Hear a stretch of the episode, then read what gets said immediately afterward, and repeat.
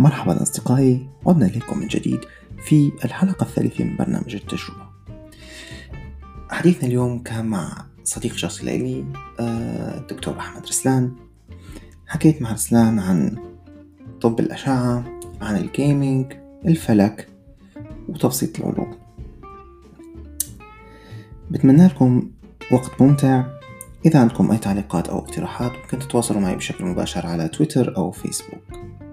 شكر خاص للزميل واثق الشويطري والصديق محمد الشرنوبي لإضافتهم تعليقات وأسئلة على حسابنا على تويتر. كل شي حكيته مع رسلان رح يكون بشكل روابط في وصف الحلقة. مرحبا رسلان إزيك؟ عامل إيه؟ أهلا إزيك يا فرزت ليك وحشة والله يا صديقي. والله وأنت وحشني برضه. أنا بعرفك رسلان تقريبا ال 2013 آه كيف تعرفنا على بعض متذكر؟ آه، أتذكر من خلال محمد يسري صديقنا من خلال يسري تمام آه الانشطه المتعلقه بال- بالتقنية في الكلية تقريبا مم. بعدين يمكن أول شيء بلشنا سوا كان آه، موقع الجوجل صح؟ آه صح كان انت وعيسى وشرنوبي ومين كمان كان معنا كان؟ صلاح وانت. آه. يعني ضلينا فترة مو قصيرة والله كان كان شغل حلو بتذكر وقتها. قعدنا سنة تقريبا أو أقل من سنة بحاجة بسيطة. أول سؤال كمان نفس السؤال اللي سألته لسعد ليش اخترت دراسة الطب؟ آه، ليش اخترت دراسة الطب؟ والله ده سؤال معقد بالنسبة لطبيب مصري يعني. أكيد أنت عارف من الفترة اللي أنت قعدتها في مصر إن نسبة كبيرة من طلاب الطب في مصر دخلوا الطب لأن هم كانوا شاطرين ومجموعهم جابهم كلية الطب يعني ما كانش في باث واي واضح أو ما كانش في طريق آه، هم مخططين له. آه، لكن الو- الوضع مختلف يمكن بالنسبة لي شوية لأن جدتي الله يرحمها والدة والدتي من وأنا في ابتدائي مثلا كانت بتقول لي يا دكتور أحمد وكان ال ال البيت كله مهيأ إن هو يجهزني أخش طب. لسبب ما أنا مش فاهمه بصراحة يعني. آه، بس فأنا الخطة بتاعتي فعلا كانت من بدري إن أنا عايز أخش طب. وإن كان لو الزمن رجع بيا وكان في احتمال أو قدرة على اني أغير اختياراتي كنت أكيد غيرت هذا الاختيار يعني. شو شو كانت نوع الدراسة اللي كنت ممكن تدرسها إذا ما وقعت في الطب؟ أنا بحب ال ال الهندسة وأي حاجة فيها نشاط آه، في أي حاجة فيها مزيج ما بين النشاط الفكري واليدوي أو النشاط العقلي واليدوي فأعتقد الهندسه كانت بتحقق جزء كبير من ده لكن ما كانتش من ضمن الاختيارات اللي أنا كنت بفكر فيها تقريبا في في, ثانوي يعني. بعتقد نفس الشيء عندنا كمان بسوريا دائما. أنت إذا جبت معدل اللي بيدخلك كلية الطب فإذا هيك آه، ساورك الشعور إنه أنت تدخل شيء تاني بيصيروا يشكوا بال IQ تبعك يعني إنه أنت طلع لك. طب ليش مستحيل. أنت خلاص أنت دكتور وبيتقال لك دكتور من وأنت يعني من أول لحظة. تماما تماما. يعني أنت لسه ما بتكون بتعرف لون المريول اللي أنت لابسه ما بتعرف شكل المرضى بصير أنت دكتور. بالظبط. آه للأسف يعني هيك بي... على فكرة مو مجتمعاتنا عربية بس حتى هون بألمانيا يعني الأطباء هيك إلهم آه دور تاني وقيمة تانية مع إنه بالمجتمع الغربي هلأ هو أقل من غيره تقريبا. يعني أنت لما تقول في محامي أو طبيب أسنان هو شغلة أكبر من طبيب بشري يعني. بالوضع الاجتماعي وبالناحية المادية. يعني المحامين هون بألمانيا هن رقم واحد يعني. بشكل عام الطب في العالم كله مهنة بائسة دي حقيقة يعني. هو يعني بعيدا عن مصر والوضع الطبي في مصر مثلا أو وضع الأطباء في مصر لكن لا الطب على مستوى العالم من أصعب المهن من أكثر المهن اللي بتجيب اكتئاب من من أكثر المهن اللي فيها عدد ساعات عمل آه، من أقل المهن اللي فيها أجور مثلا فيعني آه، للأسف بقى قدر ومكتوب للأسف للأسف وهلا عم تختص أشعة أشعة تشخيصية. أه وليش الأشعة؟ آه، والله كذا سبب. يعني هو اولا من التخصصات اللي فيها أقل احتكاك مع المرضى. آه، وأنا شخص على غير ما يبدو عليا يعني غير اجتماعي أو يعني احتكاكي دايما بالناس القريبين مني أو أصدقائي بشكل قوي. إنما بالناس الغرب لا ما احتكاكي أو تعاملي معهم محدود جدا. فده أحد أهم الأسباب مثلا. الاحتكاك بالمرضى قليل.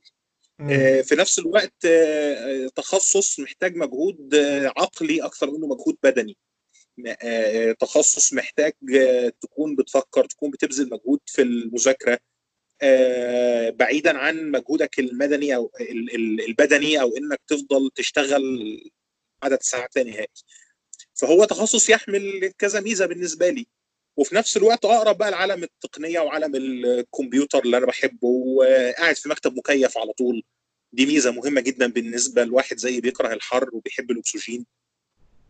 ف يعني هو أنا شايفه كان اختيار مثالي بصراحة بالنسبة لي وأنا لو مش هشتغل أشعة مش هشتغل طب أصلا. دي نقطة يعني. ده قرار أنا واخده. لو مش هشتغل تخصص أشعة مش هسيب الطب كله. هي قصة المكيف فعليا هي أنا بحسدهم دكاترة الأشعة عليها. هي وبكل محل بالعالم حتى عنا بالشوب بالشتاء بتلاقيهم دايما قاعدين بالتيشيرت تبعهم والهواء البارد عندهم ومروقين.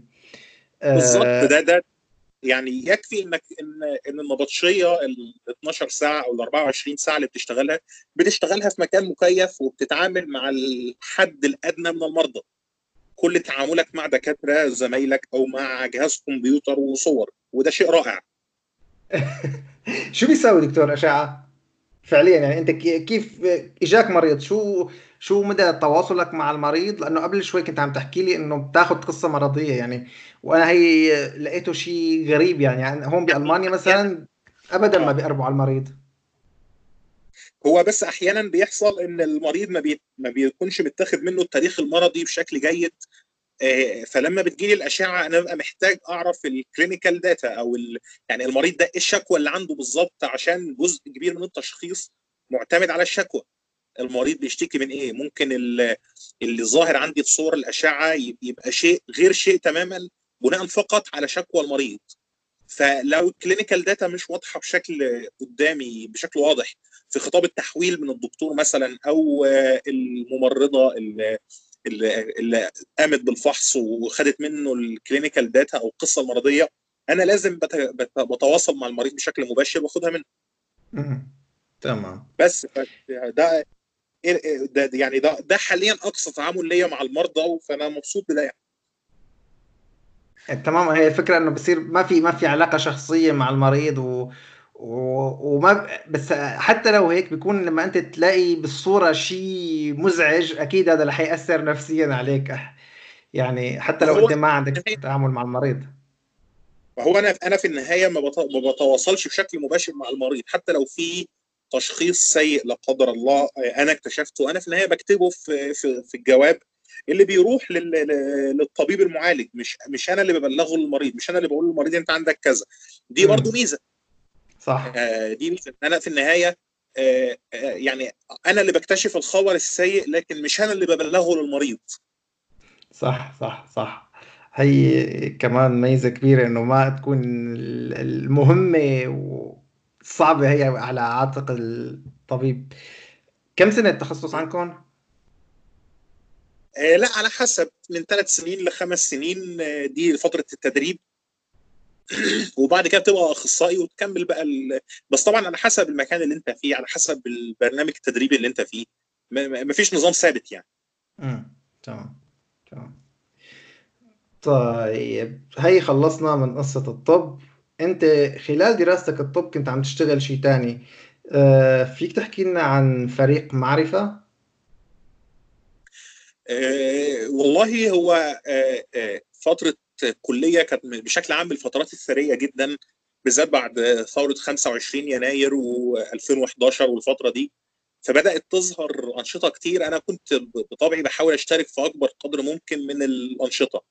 فمن ضمنها مثلا فريق معرفة طبعا ده أحد الفرق الفكرية أو الثقافية اللي كانت في كلية الطب وهي طبعا يعني هو فريق كبير على مستوى الجمهورية وإحنا كنا الجزء الخاص بكلية الطب كنا على طول بنقعد نناقش كتب فكرية كتب سياسية أدبية تاريخية علمية آه وكان الفريق كبير. يعني أعتقد وصل في, في أقصى مراحل لعشرات الطلاب. كنا بنقعد مع بعض نتناقش.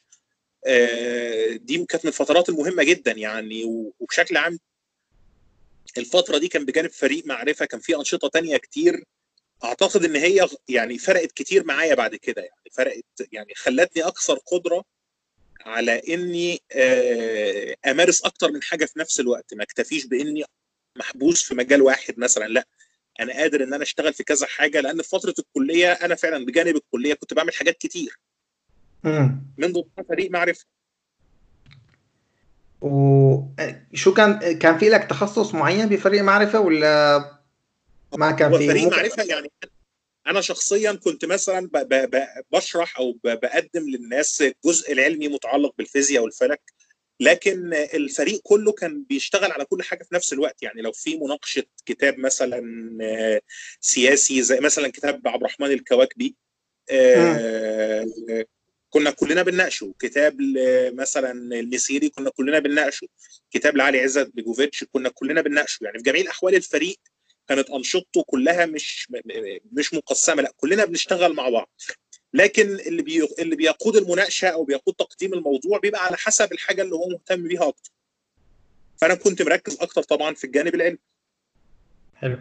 ومن إمتى أنت بتحب الفيزياء والفلك؟ من من زمان؟ ولا هل كونت هل الشغف بهذا الاختصاص خلال دراستك الطب ولا من قبل؟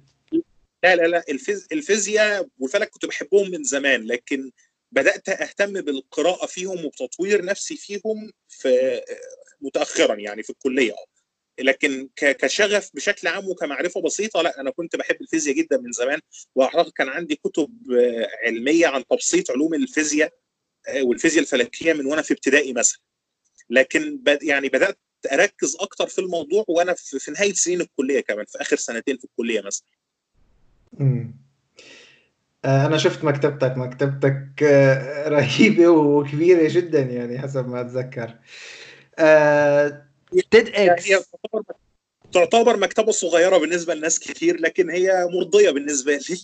والله كانت كبيرة يا صديقي يعني أنا اللي شفته كان كتير أنا عم حاول بلش هلأ مكتبة هون بس كمان هون الحصول على الكتب العربية صعب صعب. مع إنه في في كذا خيار كذا خيار جديد يعني بس آه، قليل وال والسعر غالي مشان هيك قلبت على القراءة بال Kindle. أنت بلشت تقرأ بال Kindle كأنه من قريب؟ أنا بدأت أقرأ بال Kindle من قريب آه، عشان أسهل في الحمل بصراحة. يعني أنا بسافر كتير آه، فأسهل من ان أشيل كتاب أشيل Kindle عليه 50 كتاب وأقرأ اللي أنا عايزه في طريق. تماما. آه، عم تلاقي كتب عربية بشكل جيد ولا معظم الكتب إنجليزية؟ لا في في في المكتبة العربية على كندل بدأت بدأت تنمو وبتنمو بشكل متسارع على فكرة يعني. يعني تقريبا كل يوم بينزل في كتب جديدة بشكل رسمي وبشكل غير رسمي كذلك يعني. ده موجود وده موجود. لكن في جميع الأحوال هي مكتبة ضخمة جدا يعني. حاليا مكتبة ضخمة وبتزيد بمعدل متسارع. يعني أتمنى يعني يوما ما نوصل لمرحله آه، مكتبة Kindle الإلكترونية. يعني دائما أنت أمازون لما تلاقيها أي كتاب تفوت بدك تشتريه من أمازون بتلاقي فيك تشتري النسخه الورقية أو نسخة Kindle أو إيه، تماما. ده بالنسبة للكتب العربية هياخد وقت أكتر لأني أنا أعتقد إن ثقافة المستهلك العربي لسه مرتبطة بسلعة ممسوكه يعني آه، أنا شخصيا حتى بعمل كده. في كتب أنا بقرأها على ال Kindle أنا شاريها كتاب ورقي. آه لما يجي لي سلعة خصوصا إن أمازون الأسعار نوعا ما غالية بالنسبة للمستهلك العربي أو بالنسبة للمستهلك المصري تحديدا. فانا أعتقد إن إحنا ما زلنا هنفضل الكتاب الورقي. آه حتى لو أنت محتاج تقرأه على كندل آه هتحاول برضو تكون شاري الكتاب الورقي لأن أنت بتدفع قيمة بتدفع فلوس. تمام بدك شيء مادي تمسكه بإيدك شيء تحس فيه. آه الثقافة دي محتاجة وقت عشان تتغير. تماما. يعني آه، قصة الاشتراك مثلا ببودكاست يعني ما بعرف أنا آه، إذا كان في بودكاست عربية واحدة شفتها إنه الاشتراك فيها بفلوس. بس ما بعتقد كملت. ما بعرف إذا بتعرفوا هو ثمود وصالح الكيلاني كانوا عم يعملوا بودكاست سوا. اشتغلوا خمس حلقات يمكن ما اشتغلوا أكثر يعني لأنه مثل ما أنت قلت أنت إذا ما في شيء مادي نحن بال... نحن لسه مجتمع آه، الماديات فيه آه، قليلة الفلوس قليلة وما فيك تدفع فلوس كثيره لتشتري شيء أنت ما عم تقدر تشوفه ما عم تقدر آه، تمسكه تحس فيه. بالضبط. بالضبط. ده حقيقي. تمام. آه خلصنا من فريق معرفة. بدي أسألك سؤال تاني على TEDx طنطا. أنتوا عملتوا TEDx بطنطا؟ TEDx طنطا يو طنطا University امم ده أعتقد في آخر آخر سنتين في الكلية وامتياز عملنا حدثين TEDx أو حدثين كبار وحدث صغير في ثلاث سنين ورا بعض. كان بيتعمل في الكلية. آه، عملنا مرة في كلية طب ومرة في كلية تجارة أعتقد. آه، وأنا كنت ماسك فريق فريق ال med ومين استضفته في فعالية TEDx آه، طنطا University؟ آه، واتذكر الدكتور آه، هاني البنا كان من أهم الناس اللي استضفناهم. هو طبيب مصري ومؤسس منظمة الإغاثة الإسلامية وعضو في المجلس الاقتصادي للأمم المتحدة. هو شخصية ملهمة جدا جدا. أعتقد إنه ساب ساب ممارسة الطب برضه بشكل نهائي دلوقتي وشغال في الأعمال الإغاثية في في في دول كتير جدا. وبصراحة من الشخصيات اللي أنا حبيتها من يعني لقائي البسيط جدا معاه في الفترة بتاعت تيدكس دي آه، كان شخص ملهم جدا ومش يعني محتاج شوية متابعة عشان الناس تعرف أكتر عنه وعن النماذج اللي, زيه في العمل الاغاثي العام على مستوى العالم.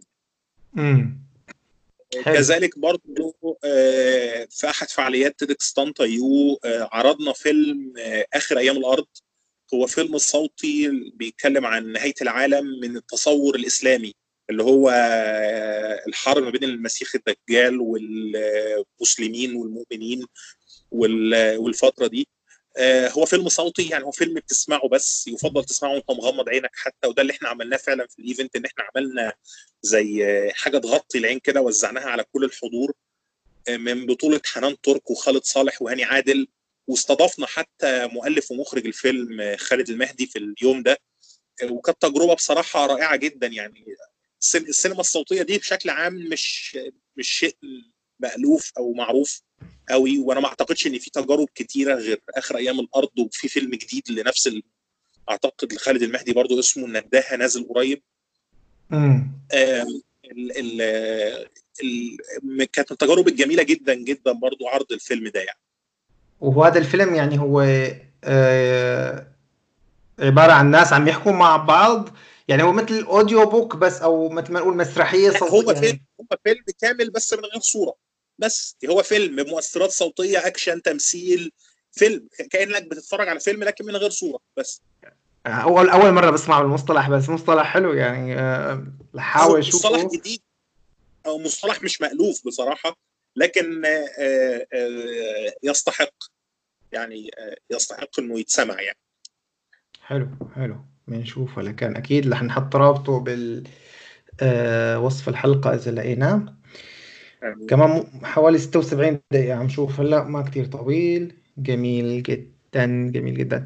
معناتها والله عملتوا شيء حلو ب TEDx طنطا University هل كان سهل إنه تاخذ ال license ولا كان مشوار طويل وتعب ولا؟ لا هو ال license اللي كان واخدها محمد الشرنوبي آه، صديقنا. آه، أعتقد مش متذكر بصراحة الموضوع خد منه وقت قد إيه لكن ما لا الإجراءات بتاعه TEDx مش صعبة قوي يعني هم ليهم اشتراطات معينة مجرد ما أنت ما تحققها خلاص بتاخد اللايسنس يعني. كأنه كل كل هالنشاطات اللي صارت عندكم صارت بعد الثورة ما هيك؟ آه طبعا. قبل الثورة ما كان في مجال متاح لهالشيء ولا؟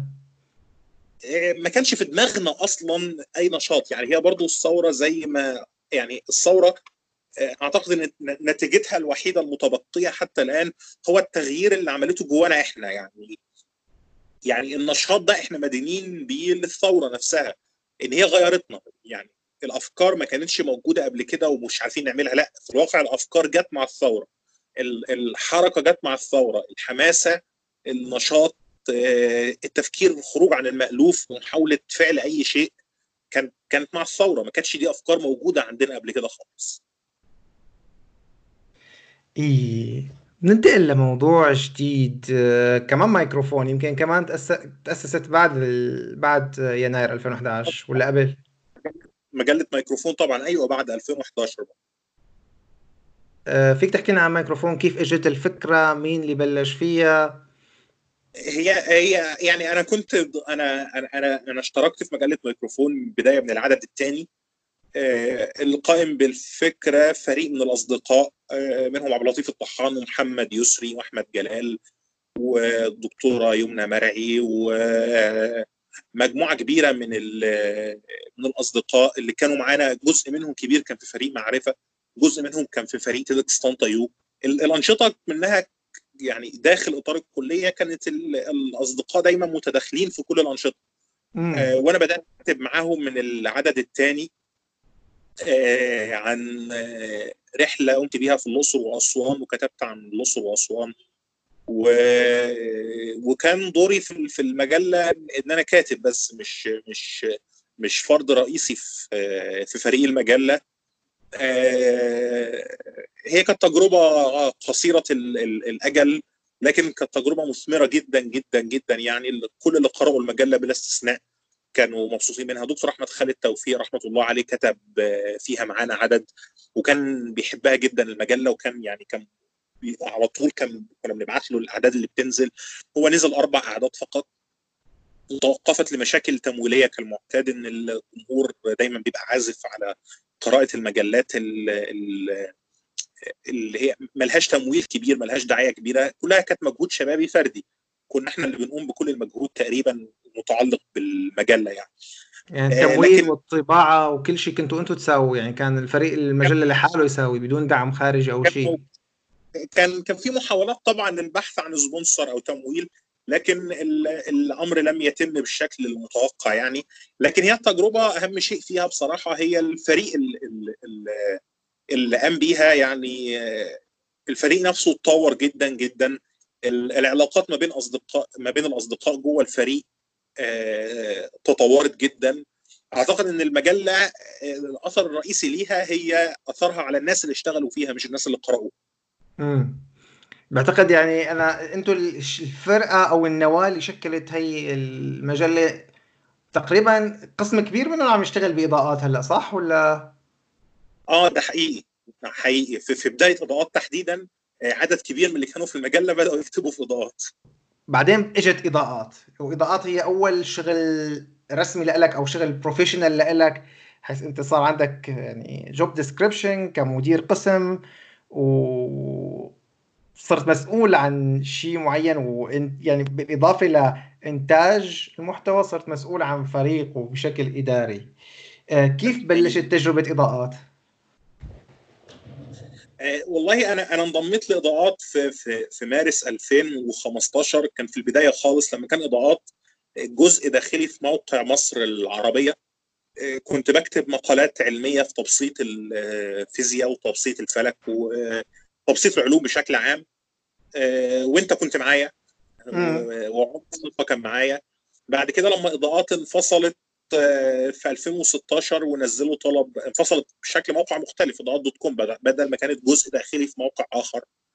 آه ونزلوا الفريق الإداري للموقع نزل إعلانات إن هو محتاج آه مشرفين وموظفين إداريين في الموقع. آه وأنا قدمت بجانب خبرتي في الكتابة دخل الموقع على مدى 8 شهور والفريق اللي كان متكامل أصلا بشكل عام خلال الفترة دي الفريق كله دخل بشكل احترافي في إطار الموقع أول ما بدأ بشكل منفصل وبقى باب علوم وتقنيه وكنت أنا المسؤول عنه وكان المحررين معايا أنت فرزت وعمر صفا.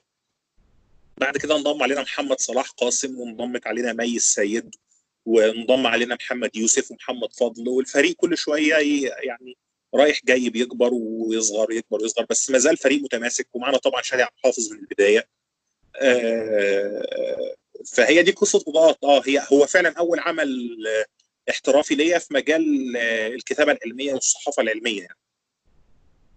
وشو الأصعب إنتاج المحتوى ولا إدارة فريق؟ لا إنتاج المحتوى طبعا انتاج إنتاج... معناتها انت فريقك كان ممتاز جدا جدا لأنه أنا من تجربتي آه إدارة فريق هو شيء صعب. إذا كان في عندك أعضاء شوي مو متعاونين معك كان متعب جدا بصراحة. والله يعني أنا خلال دلوقتي إحنا بنتكلم من 2016 ل 2019 سنة اثنين أربع سنين. أنا ادرت فيه فريق أعتقد مر عليا أكتر من 15 عضو أو أكتر والفريق الحالي فيه ست محررين. آه، يعني ما اظنش ان أنا واجهت صعوبة في إدارة فريق بالعكس يعني الأمور كانت دايما بسيطة كانت دايما واضحة. العلاقة ما كانتش علاقة آه، مدير ومرؤوسين والجو ده لا يعني إحنا كلنا زي بعض وإحنا كلنا بننتج محتوى هدفه الرئيسي تبسيط العلوم وتقريب العلوم للناس أكتر. ما كانش الأمور آه، معقدة بالشكل الإداري المتعارف عليه في العالم العربي يعني. فإدارة الفريق إدارة الفريق عمرها ما كانت صعبة بالنسبة لي خالص. ال ال الأزمة الرئيسية فعلا كانت إدارة المحتوى لأن الجمهور العربي توجيه محتوى ليه شيء شديد شديد الصعوبة. الجمهور العربي هي اكذوبه إنه لا يقرأ هو بيقرأ لكن هو ما بيقرأش الحاجات المهمة أو ما بيقرأش الحاجات اللي أنت بتظن إنها مهمة. هو في النهاية أنا لما أكتب مقال عن نظرية الكم مثلا كم واحد مهتم إنه يقرأ مقال عن نظرية الكم؟ بينما لما تكتب مقال عن حركة القمر في السماء هيتقرأ أكتر. هت... هتكتب التطور هيتقرأ عشان الناس تخش تشتمك. آه، فاهمني؟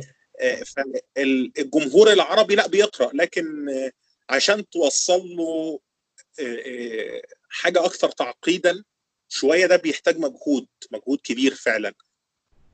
هو هي المشكلة تبع شو يقرأ وماذا يقرأ وليش يقرأ هي شيء صعب. يعني أنا بتذكر آه، في فترة اكتئبت فيها جدا لما كنت عم بشتغل بإضاءات كنت عم بكتب عن آه، مرة كتبت عن الثقوب السوداء والبيضاء والمادة المضادة.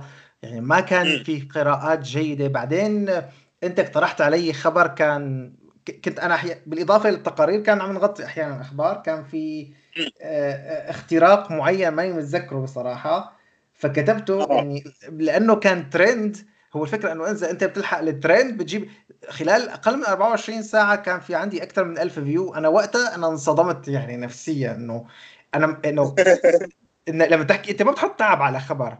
آه، ممكن تتعب على خبر بس أكيد ما حتتعب عليه مثل ما عم تتعب على تقرير مثلا يعني.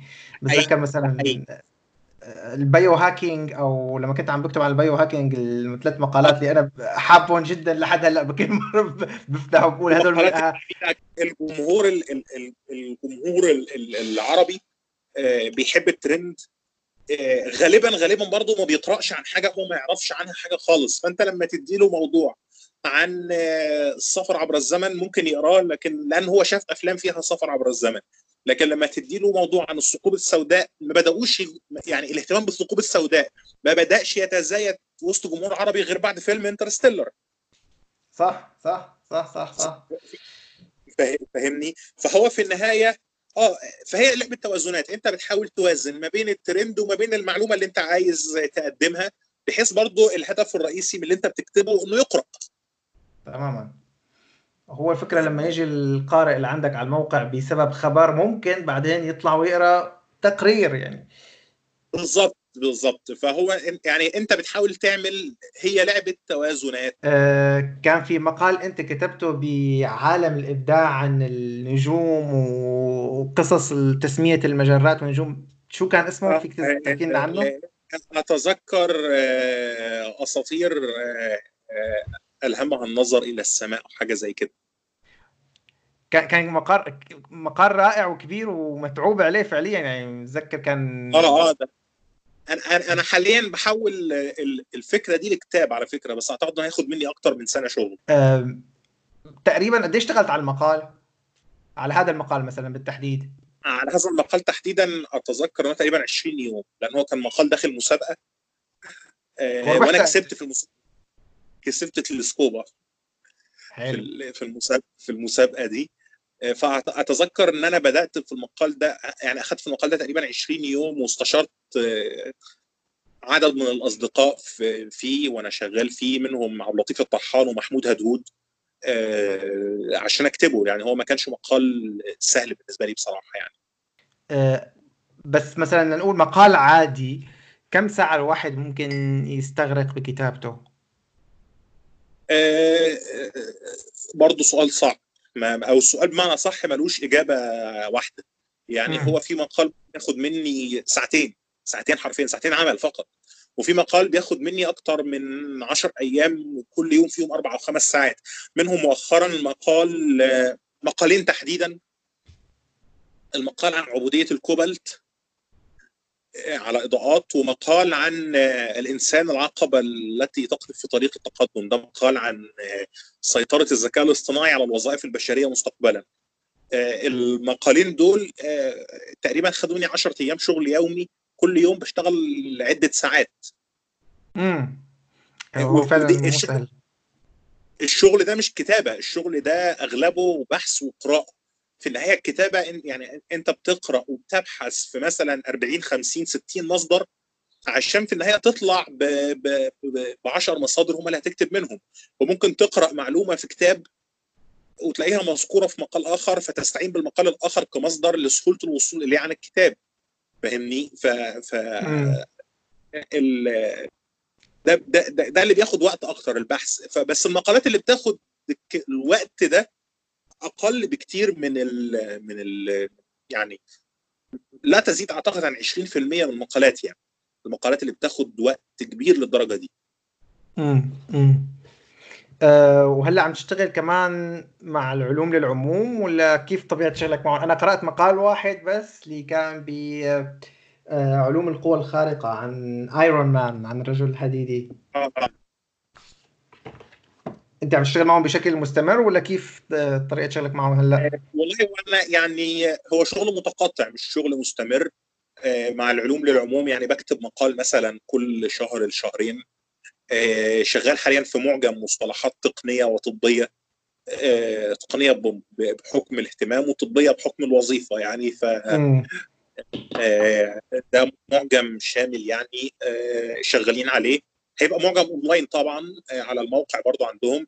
ده شغالين عليه. فأغلب شغلي مع العلوم للعموم ال freelancing يعني مش مش وظيفة ثابته ده بحكم الوقت مش أكتر يعني. ما عنديش وقت إضافي حاليا إن أنا أضيف وظيفة ثابتة فوق الشغل اللي أنا بعمله يعني. والصديق سعد لطفي طبعا آه، ربنا يجازيه خير. هو هو اللي بيتابع الشغل ده معايا وهو اللي دايما بيطلب مني لما أنا أتكاسل في شغل ما.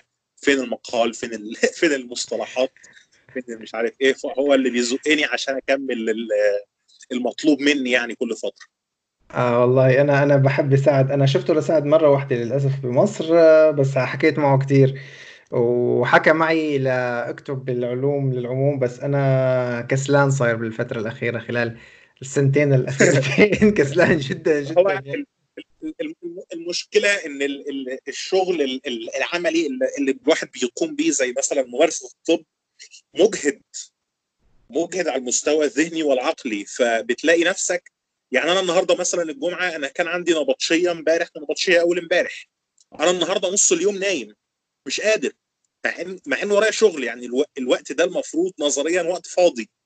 يعني المفروض أكتب فيه مقال مثلا أو أخلص فيه حاجة لأ أنا صحيت من آه فطرت آه وصليت و... ونمت.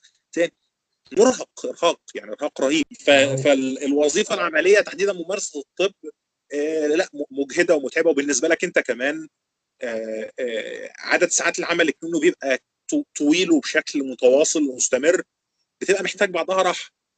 صح صح. يعني هلا حاليا عم 42 ساعة بالأسبوع 8 ساعات أو أكثر يوميا. ما عم نشوف الشمس آه، رسلان ما عم نشوف الشمس ابدا حاليا. هون عندنا بألمانيا بتطلع على الشغل الساعة 7 وبترجع الساعة 6 يعني. آه فما فيش شمس. آه لا أنا بشوف الشمس الحمد لله. إضاءات أنت تعرفت على شادي عن طريق إضاءات؟ لا عن طريق فيسبوك آه، من زمان من مش متذكر من كام سنة بالظبط بس هو في بداية اضاءات لا هو أنا أنا أنا أنا أنا, أنا يعني أنا مصاحب شادي بشكل شخصي مش بشكل عملي. يعني إحنا اصحاب يعني ودخلنا بيوت بعض مش فكرة محاضرات أو كده يعني مش عايز أقول لك إن أنا نادرا لما بتفرج على محاضرة لشادي يعني. هو صديقي الشخصي فاهمني؟ وشغالين طبعا مع بعض بقى لنا أعتقد أربع سنين أو أكتر. أنا بصراحة حبيت آه، طريقة شادي بالكتابة كمان طريقة مميزة وأنا تعرفت عليه عن طريقك عن طريق الفيسبوك بعدين لما عرفني عليه شخصي ولما نزلنا وين نزلنا وقت رحنا على أي مكتبة وقت نزلنا ورحنا جبنا كتب سوا وطلعنا بالسيارة معه؟ أثناء س... آه، لما يكون عم يسوق بالسيارة. كنا في الق... إحنا رحنا القاهرة مع بعض مرة ورحنا ايفنت في قام القاهرة مرة مع بعض ورحنا اجتماع مش فاكر يعني إحنا خرجنا مع بعض مرتين ثلاثة مثلا وأنت وشادي. ومرة كان معانا مصطفى إفطار إضاءات إفطار إضاءات السنوي صح. آه صح مرة وكان في event مش فاكر تفاصيل بالظبط يعني. بتذكر كان إحنا لما كان بده يطلع ياخذنا معه كان مشغل محاضرة فيزياء بالسيارة بس ده لما طلعنا يعني أنت عم تسوق عم تسوق. أنا ممكن أسمع بودكاست ممكن أسمع audiobook بس عم يسمع محاضرة فيزياء. شادي كان يعني آه شادي رهيب. وبعدين ده بلشت. بلشت معه السماء الليلة ولا أنت بلشتها لحالك ولا شو هي السماء الليلة وكيف بلشتها و... وشو وضعها حاليا؟ والله هو السماء الليلة آه، يعني هي يمكن أفضل شيء أنا بعمله دلوقتي أو أكثر شيء مقرب لقلبي أنا بعمله دلوقتي. آه، آه، هي فكرة جات لنا أنا وشادي بدعم وتشجيع من أحمد أبو خليل. أحمد أبو خليل رئيس تحرير إضاءات ومديري مم. المباشر في الشركة ال- ال- اللي أنا بشتغل فيها منتج محتوى حاليا. آه، الفكرة جت آه، إحنا عايزين نبسط علوم الفلك للناس. طب إحنا نبسط علوم الفلك للناس إزاي؟ قدامنا طريقتين. الطريقة ال ال الأكثر تعقيدا أو الأكثر تقليدية هو إنك تجيب المحتوى الإنجليزي وتعمله بالعربي. آه، الطريقة اللي إحنا اخترناها هو إن إحنا نقول للناس والله يا جماعة اطلعوا دلوقتي البلكونة بصوا على يمينكم كده شوية هتلاقوا نقطة زرقاء النقطه الزرقاء دي نجم أزرق عملاق اسمه كذا. المعلومة الثانية اللي بعدها والله نجوم الزرقاء العملاقة دي عبارة عن كذا كذا كذا كذا. فأنا بديله نفس المعلومة لكن بطريقة more practical طريقة عملية وفي نفس الوقت يقدر يقوم بيها في يومه لأن أنا فعلا ما بطلبش من اللي بيتابع السماء الليلة أكتر من إنه يطلع في البلكونة. أو انه يبص من الشباك أو انه هو ماشي في الشارع يبص فوقه. ما بطلبش منه يبذل اي مجهود أكتر من انه ياخد دقيقتين لخمس دقائق من وقته في المكان اللي هو قاعد فيه. أكيد اي مكان انت فيه في شباك في بلكونة في سطح. بس مم. فدي الفكرة اللي إحنا قررنا نعملها ان إحنا هن هنبسط للناس. حاجة اسمها علم الفلك، علم الفلك علم مهمل جدا في الوطن العربي حاليا على الرغم من ان العرب بشكل عام من رواد علم الفلك على مستوى العالم. آه، تاريخيا. تاريخيا لكن حاليا لا مفيش خالص. آه، وفي نفس الوقت آه، بأبسط طريقة ممكنة إن أنا مش عايزك أكتر من إنك تطلع تبص دلوقتي تشوف القمر وجنبه نقطة منورة. وبقول لك النقطة المنورة دي اسمها كوكب المشتري ما هيش نجمة زي ما أنت متخيل. آه، بعد كده هقول لك بقى كوكب المشتري ده هو أكبر عملاق غازي في المجموعة الشمسية كتلته كذا حجمه كذا مش عارف إيه. بس أنت لما تطلع تشوفه بعينيك وتعرف إنك شايف كوكب تاني دلوقتي هتهتم إنك تعرف المعلومة الثانية هتهتم إنك تعرف المعلومة الثالثه هتهتم بعد كده إنك تعرف أكتر لأن دي حاجة أنت بتشوفها بعينيك قدامك دل- دلوقتي حالا في اللحظة الحالية أنت شايفها بعينيك. إنما لما أديك المعلومة بشكل نظري زي كتب العلوم آه غالبا أنت مش هتقرأها. بس. فمن هنا. فمن هنا جه اسم السماء الليلة. إن أنا بقول لك السماء دلوقتي فيها إيه؟ بس. دي السماء الليلة. حلو حلو. هو الشيء لما يكون شيء براكتيكال مثل ما أنت قلت يعني بنرجع للقصة تبع إنه شيء مادي شيء أنت عم تقدر تشوفه بحواسك عم تقدر تشوفه. بيختلف عن شيء. أنت عم تقرأك مجرد كلمات على شاشة أو مجرد كلمات على ورقة أو على كتاب. لما شو عم تشوفه أنت ممكن تطلع بعدين تقول لرفقاتك هذا المشتري وبعرفه مشان كذا وكذا وبعرف إنه بيصير هيك هيك. يعني حلو حلو قصة البراكتيكال بعدين عم تعملوا أنتم كأنه طلعات آه، رصد. آه بدأنا نعمل طلعات طلعات رصد ورحلات رصدية لوادي الحيتان والأماكن الصحراوية بشكل عام عشان التلوث الضوئي في مصر بيخليك في قلب المدن تشوف الحاجات اللامعة فقط اللامعة جدا. بينما في الصحراء أنت بتشوف بعينك من 6000 ل 10000 نجمة تقريبا. بتشوف قلب المجرة وبتشوف دراع المجرة بتشوف السدم بعينيك وبالمناظير. فبدأنا نعمل رحلات وهي الرحلات الفلكية شيء موجود في مصر مش إحنا اللي ابتكرناه. لكن آه، يعني إحنا بدأنا بشكل مختلف مع الجمهور فوصلنا لجمهور مختلف. بمعنى الرحلات الفلكية في مصر دايما رحلات سياحية بتقدم جزء فلكي. لا إحنا. رحلة فلكية فقط إحنا رحلة فل... إحنا مش بتوع سياحة. إحنا مش رايحين نتفسح. إحنا رايحين نقعد الليلة كلها مع السماء حلو حلو. ليش ما أخذتني عليها لما كنت معك بمصر؟ هو انت سافرت بدري يا فرزت ما رجعتش من انت كنت بت... فلكيا تسجيل انك عايز تيجي مصر في قريب. لما تيجي نوديك رحلة فلكية فرزت مخصوص والله. تعالى بس. إن شاء الله. أنا أنا خلاص هي أنت اللي حتاخذني برحلة فلكية و... وضياء ببرلين. بده ياخذني آه، برحلة فلكية وعدني إنه في أماكن معينة بألمانيا آه، ممكن الواحد يشوف فيها السماء بشكل حلو. لا تعالى في مصر هنا وإحنا نروح رحلة وادي الحيتان. آه، بس لو عايز تيجي وتشوف المجرة بشكل واضح تعالى في شهر أربعة أو خمسة ما تجيش في شهر اثنين زي ما أنت بتقول. تمام هو هيك واحد بده يختار كمان شهر مناسب ليرصد فيه السماء ويشوف أكثر شيء ممكن يشوفه. حلو حلو. كل هو و... كل وقت مناسب كل وقت مناسب لكن أنا بتكلم عشان تشوف قلب المجرة بشكل م. واضح قلب المجرة ربيع صيف أو الخريف. إنما دلوقتي نجوم الشتاء الجبار والمجموعة اللي حواليه ونجوم الشتاء هي من ألمع نجوم السماء على الإطلاق روعة جدا جدا وفي جزء من ذراع المجرة بيعدي من قلبها. لكن قلب المجرة ما زال شيء مبهر مبهر مبهر. ف... أنا أنا بحب بحب طريقه هيك الشغف اللي بيطلع لما تحكي عن الفلك هيك بتحكي بشغف وحب يعني أكثر بألف مرة لما تحكي عن الأشعة للأسف يعني عنا كلياتنا يعني. هو ف... فانت لو طلعت في اي وقت لو جيت في اي وقت هنبسطك في الرحله الفلكية لا تقلق لكن أنا بقول لك يعني المجرة شيء لازم يتشاف بالعين المجردة لمرة واحدة في الحياة على الأقل. طبعا أنا بشوفه كل أسبوعين مثلا. يعني أيامك أيامك يا رزلان. آه. آه هلأ أنتم سويتوا كأنه آه أجندة خاصة فيكم؟ آه. إحنا لينا السنة دي إصدارين كتاب كتاب السماء لشادي عبد الحافظ وأجندة السماء الليلة. آه، الأجندة هي زي أي أجندة عادية يعني إيه؟ الأجندة زي دفتر يوميات بتكتب انشطتك المواعيد اللي وراك الأنشطة اللي وراك لكن إحنا عاملين فيها شيء مختلف خالص حولناه لأجندة فلكية. بمعنى الأجندات العادية هدفها آه، إنها ترتب لك يومك. إحنا هدفنا إن إحنا نفصلك عن الأنشطة اليومية بتاعتك بإننا ندخلك في عالم تاني مختلف. آه، فأنا بقول لك في أجندة السماء الليلة مثلا يوم كذا اطلع للسماء وبص في الاتجاه الفلاني لمدة خمس دقائق وأنت هتشوف كذا وكذا وكذا. آه كمان يومين اطلع في السماء قبل الفجر هتشوف في الاتجاه الفلاني القمر جنب كذا وكذا. وهكذا الأحداث الفلكية طول السنة متقسمة بالأسابيع كل أسبوع على الأقل في ثلاث أحداث فلكية. وهدف الأجندة هنا إن هو يفكرك عشان وأنت بترتب جدول أعمالك بترتب جدول أنشطتك بترتب جدول اجتماعاتك تبقى عارف إن في الوقت الفلاني أنت هتفضي نفسك عشان تطلع تبص على السماء. مش مجرد إن أنت بترتب شغلك بس. يعني قد إيه اخذت معك الشغل؟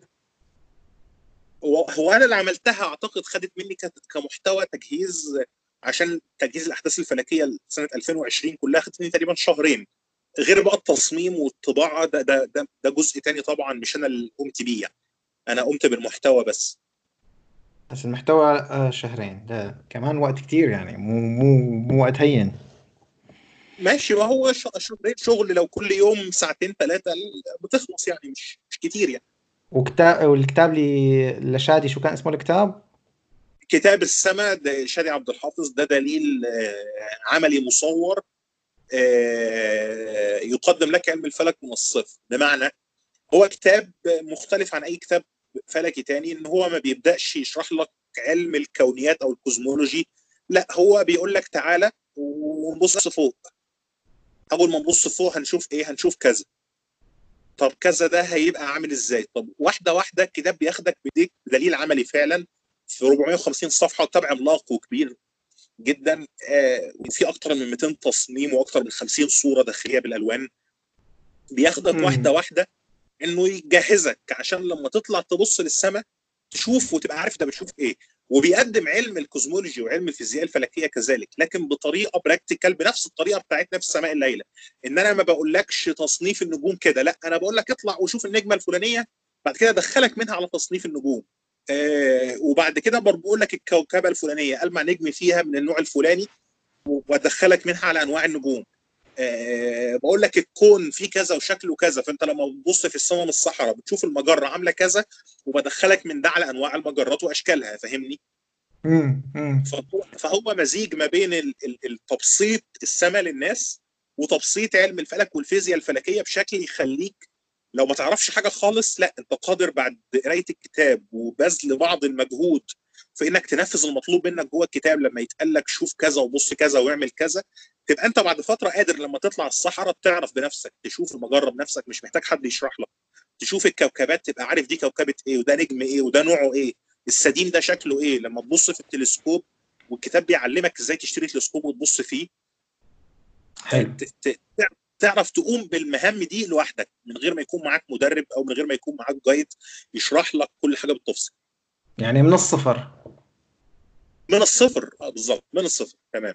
وكيف ممكن الواحد يحصل الكتاب والأجندة؟ موجودين بس بمصر ولا؟ حاليا بمصر. حاليا مم. بمصر لأن هم لسه إصدار جديد. آه، إجراءات توفير الكتب آه، والمطبوعات خارج مصر بياخد وقت شوية. عشان الهدف انك توفر الحاجات دي بسعر برضه مقبول. تمام. لو لو لو لو أنا قمت مثلا بالشحن المباشر عن طريق البريد السريع أو أرامكس لكل واحد اشترى نسخة كتاب أو أجندة التكلفة هتزيد أكتر من ثلاث أو أربع أضعاف السعر. ف نحاول بشكل ما إن إحنا نوفر الحاجات دي آه، في مختلف الدول العربية بشكل آه، تكلفته مقبولة للناس وللجمهور يعني. طباعة والتمويل جاي من إضاءات نفسها ولا؟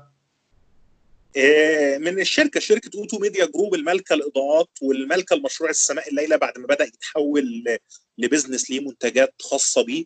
آه، هي اللي بتقوم بالمهمة تحت رعاية أحمد أبو خليل يعني صديقنا وصديقنا العزيز والداعم بصراحة بقوة لكل المشروعات اللي إحنا بنعملها وكل الأنشطة اللي إحنا بنعملها يعني.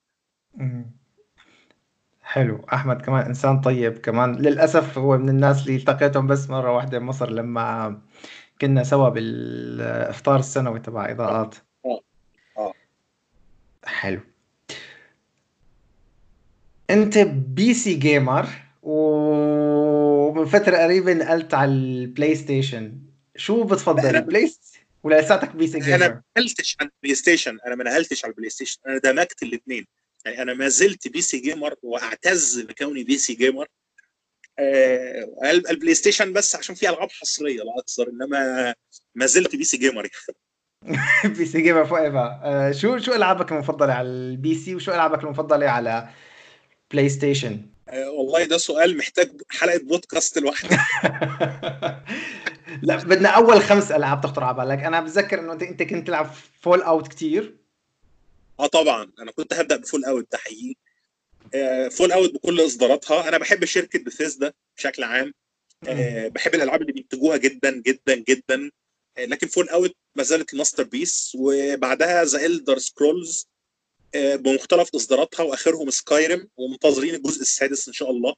منتظروا على حر من الجمر بشكل لا تتخيله يعني. مم. بعد كده عندنا لو دول أول لعبتين بص هي الألعاب دي مش بالترتيب ماشي؟ لأن الألعاب دي كلها كلها بشكل عام أنا بحب الألعاب ال role-playing game وال strategy.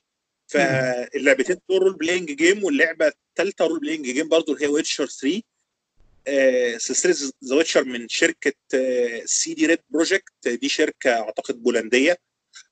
آه، أعتقد Witcher 3 دي من أعظم الألعاب في تاريخ الألعاب عموما في التاريخ يعني. دي أعظم لعبة أنا لعبتها. وأنا لعبتها أربع مرات أو خمس مرات لعبتها على ال PC ولعبتها على البلاي ستيشن ولعبتها على كل حاجة ممكن ألعبها عليها يعني. أنا أنا أنا بلشت فيها بس ما كملتها لسه للأسف.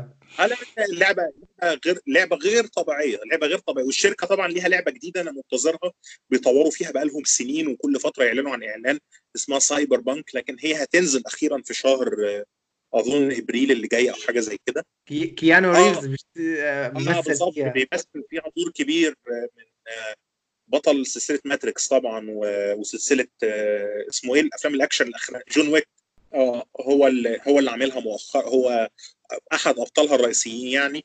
فلو إحنا قلنا كده ثلاث ألعاب آه، أنت عايز لعبتين كمان. Dying Light سلسلة سلسلة ألعاب Dying Light وهي لعبة واحدة. ومنتظرين اللعبه منتظرين الجزء الثاني. دي من الألعاب. العظيمة جدا. ما بعرف هاي ابدا ولا سمعان فيها. post apocalyptic zombie game okay. لكن لكن من أعظم ألعاب ال zombie game اللي ممكن تتخيلها. أنا بكره عالم الزومبي شخصيا لكن ما بحبش في عالم الزومبي غير حاجتين. فيلم World War Z. بتاع براد بيت و... و... و Dying Light ولعب Dying Light. آه، معاك بقى سلسلة Assassin's Creed كاملة. كاملة أنا لعبتها من أول جزء لحد آخر جزء. دول بقى 12 13 لعبة حاجة زي كده يعني. آخر جزء آه. تبع تبع اليونان لعبته؟ آه لعبته خلصته. أنا أنا لا أنا لساتني بالجزء تبع مصر عم بلعب فيه على مهلي كمان. شو كان اسمه؟ Odyssey كان ال Origins تمام Origins أنا Origins أنا لعبتها مرتين مثلا. آه، بس قائمة خمس ألعاب دي قائمة قصيرة. أنا كده قلت لك الألعاب اللي أنا بلعبها كتير إنما أنا ما يعني أنا ما أنا أنا أنا مثلا ممكن أكون لعبت مش عارف بصراحة. أنا بلعب من ثالثة ابتدائي. الله عليك الله عليك يا يا رسلان. أنا gamer كنت حاطط على كنت حاطط على الحيط تبع بيتك كنت أجزاء من ال PC القديم تبعك؟ كنت عامله هيك مثل لوحة آه أنا أنا ما زلت محتفظ بال gaming consoles القديمة بتاعتي الأجزاء من ال PC القديم بتاعي. ما ما ما بفرطش في أي حاجة ليها علاقة بعالم التقنية بصراحة. سؤال. مهم من سؤال مهم من واثق. آه واثق آه مبرمج يمني سألنا على التويتر وهذا السؤال وإجا بوقته. بيقول لك واثق كيف استطعت تقسيم وقتك بين كل هذه الاهتمامات؟ يعني أنت طب فلك تبسيط علوم وإدارة فريق. وجيمر جيمر محترم يعني. كيف كيف عم تقدر تقسم وقتك بين كل هالشيء والله يمكن عشان ما اتجوزتش لحد دلوقتي. آه، أنا أنا لا لا سألتزم بالصمت. مش مش قادر احكي آه عشان عشان ما حدش يسمع البودكاست غلط. تماما ال ال ال ال الوقت والله بص آه، أنا أنا طبعا أنا وقتي مستنفذ تماما. لكن بحاول أو بعمل فعلا إن أنا بعمل كل شيء كل يوم. بمعنى أنا كل يوم بذاكر شوية أشعة ولو نص ساعة. ولو نص ساعة أقرأ معلومة بسيطة أشوف كورس صغير أشوف فيديو من محاضرة صغيرة وكده يعني على الأقل كل يوم بلعب gaming يعني حاليا بلعب Borderlands 3 آه، من يعني أنا ما حبيتش سلسلة Borderlands ما عدا الجزء الثالث ده شديد العظمة بلعبه. دلوقتي بلعب كل يوم مثلا ساعة لساعتين بقرأ كل يوم نص ساعة لساعة دي قبل ما أنام. والشغل الطب من يومين لثلاثة في الأسبوع وبقية الشغل بقى الكتابة العلمية وتبسيط العلوم والكلام ده بقية الأسبوع. بجانب إن أنت خلاص already معاك انترنت 24 ساعة فإدارة الفريق آه زي ما أنا قلت لك في الأول هو أمر مش مسبب لي أي نوع من أنواع الصعوبات فبقوم بيه عادي خالص وأنا في ده مش صح قوي ومش مفيد قوي لكن آه، زي ما قلت لك ميزة إنك single وما وراكش مسؤوليات أكبر من شغلك. بتوفر لك وقت بصراحة يعني أنا اتكلم برضو بمنطق يعني. صح صح. آه يعني النقطة المهمة هي الاستمرارية بكل جز... جزئية عم تشتغل فيها ولو لنص ساعة ولو يوميا. لنص ساعة ولو لنص ساعة بالظبط يعني ما آه، لازم تعمل كل حاجة أنت بتشتغلها أو بتمارسها ولو الحد الأدنى ولو الحد الأدنى على الإطلاق يوميا. لأن الانقطاع عن حاجة لفترة طويلة يعني أنا مثلا لما انقطع عن مذاكره الطب بحاول أخليها ما ي- ما ي- الانقطاع ما يزيدش عن ثلاث أو أربع أيام. بعد كده لازم أعوض ده بحاجة فاهمني؟ آه. الانقطاع عن الكتابة بي بيرجع بمقال طويل مثلا. بحس آه آه الانقطاع عن حاجة مش حلو لكن ممارسة الحاجة دي ولو لوقت قصير جدا بيخليك محافظ على على على إنك تقدر توازن ما بين الحاجات دي. صح تماما يعني بالنهاية القصة كلها قصة روتين وتدريب مخك إنه يقدر يساوي الشغلة بطريقة أسرع ويعمل لها أتمتة. متى ما انت تماما. اللي كان بياخد منك 10 ساعات بقى بياخد منك بعد سنة ساعتين. صح صح. ال- ال- ال post على صفحة السماء الليلة كان كتابته وتجهيزه وتصميمه بياخد مني أكتر من ساعة ونص أو ساعتين. post فيسبوك. دلوقتي أنا ممكن أعمله on the go وأنا على الموبايل. في 10 دقائق مم. وأنا راكب تاكسي. آه حلو. تمام هي هي هي فئة الاستمرارية تماما. وسؤال تاني من الصديق آه، شرنوبي آه، هلا سأل هو شو ألعابك المفضلة جاوبنا عليه سؤال تاني شو هي مجموعتك النجمية المفضلة في عندك مجموعة نجمية مفضلة رسلان؟ إيه لا بصراحة خالص ليش الواحد بحب... لي... ليفرق بين أولاده ما بصير يا أخي يمكن بحب شوية آه، كوكبة الغراب و... و... وكورونا بوراليس اللي هي الكورونا بوراليس بالعربي اسمها ال... الإكليل الشمالي. هم كوكبتين صغيرين خالص ما حدش بيشوفهم غير في الصحراء لأن نجومهم خافتة. لكن أنا بحبهم لسبب بسيط جدا جدا إن شكلهم حلو. ترتيب هم في السماء شكلها حلو بعيدا عن دي غراب ودي اكيل يعني يعني دي مسميات قديمة طبعا لأسامي الكوكبات. الكوكبتين شكلهم حلو جدا. كوكبة الغراب شبه الجوهرة كده في السماء والإكليل الشمالي عاملة زي نصف قوس من سبع نجوم. النجمة المركزية فيهم بتلمع جدا. آه ف أنا بحب أنا بحب الكوكبتين دول آه أكتر من غيرهم شوية بس. إنما غير كده لا. أنت لما تطلع الصحراء هتفهم الكلام ده يعني في قلب المدينة. انت بتشوف الكوكبات اللامعة فقط بتشوف الجبار بتشوف الكلب الأكبر آه، بتشوف مثلث الصيف بتشوف مش يعني بتشوف خمس ست كوكبات وألمع النجوم اللي فيهم بس. فمنطقي إنك وقتها تحب الجبار مثلا لأن هي أغلب نجومها باينة. إنما لما تطلع الصحراء لأ هتكتشف إن السماء أروع بكتير من إنك تحب حاجة محددة لأ أنت بتحب السماء كلها. تمام. أنت بتحب السماء كلها حرفيا. فاهمني؟ ما, ما صعب جدا تميز وأنت في الصحراء. يعني أنت بتبقى موهوم لدرجة إنك ما أنتش عارف تشيل عينك من على حاجة وفي نفس الوقت السماء كبيرة ومليانة. ما أنتش قادر تبطل تبص على الجمال ده في كل حتة. حلو. في عندك كوكب مفضل؟ كوكب نبتون. ليه نبتون بقى؟ عشان لونه أزرق. أنا بحب اللون الأزرق جدا. الله الله. إيه. والسؤال مهم وسؤال مهم جدا. هل بلوتو كوكب ولا مش كوكب؟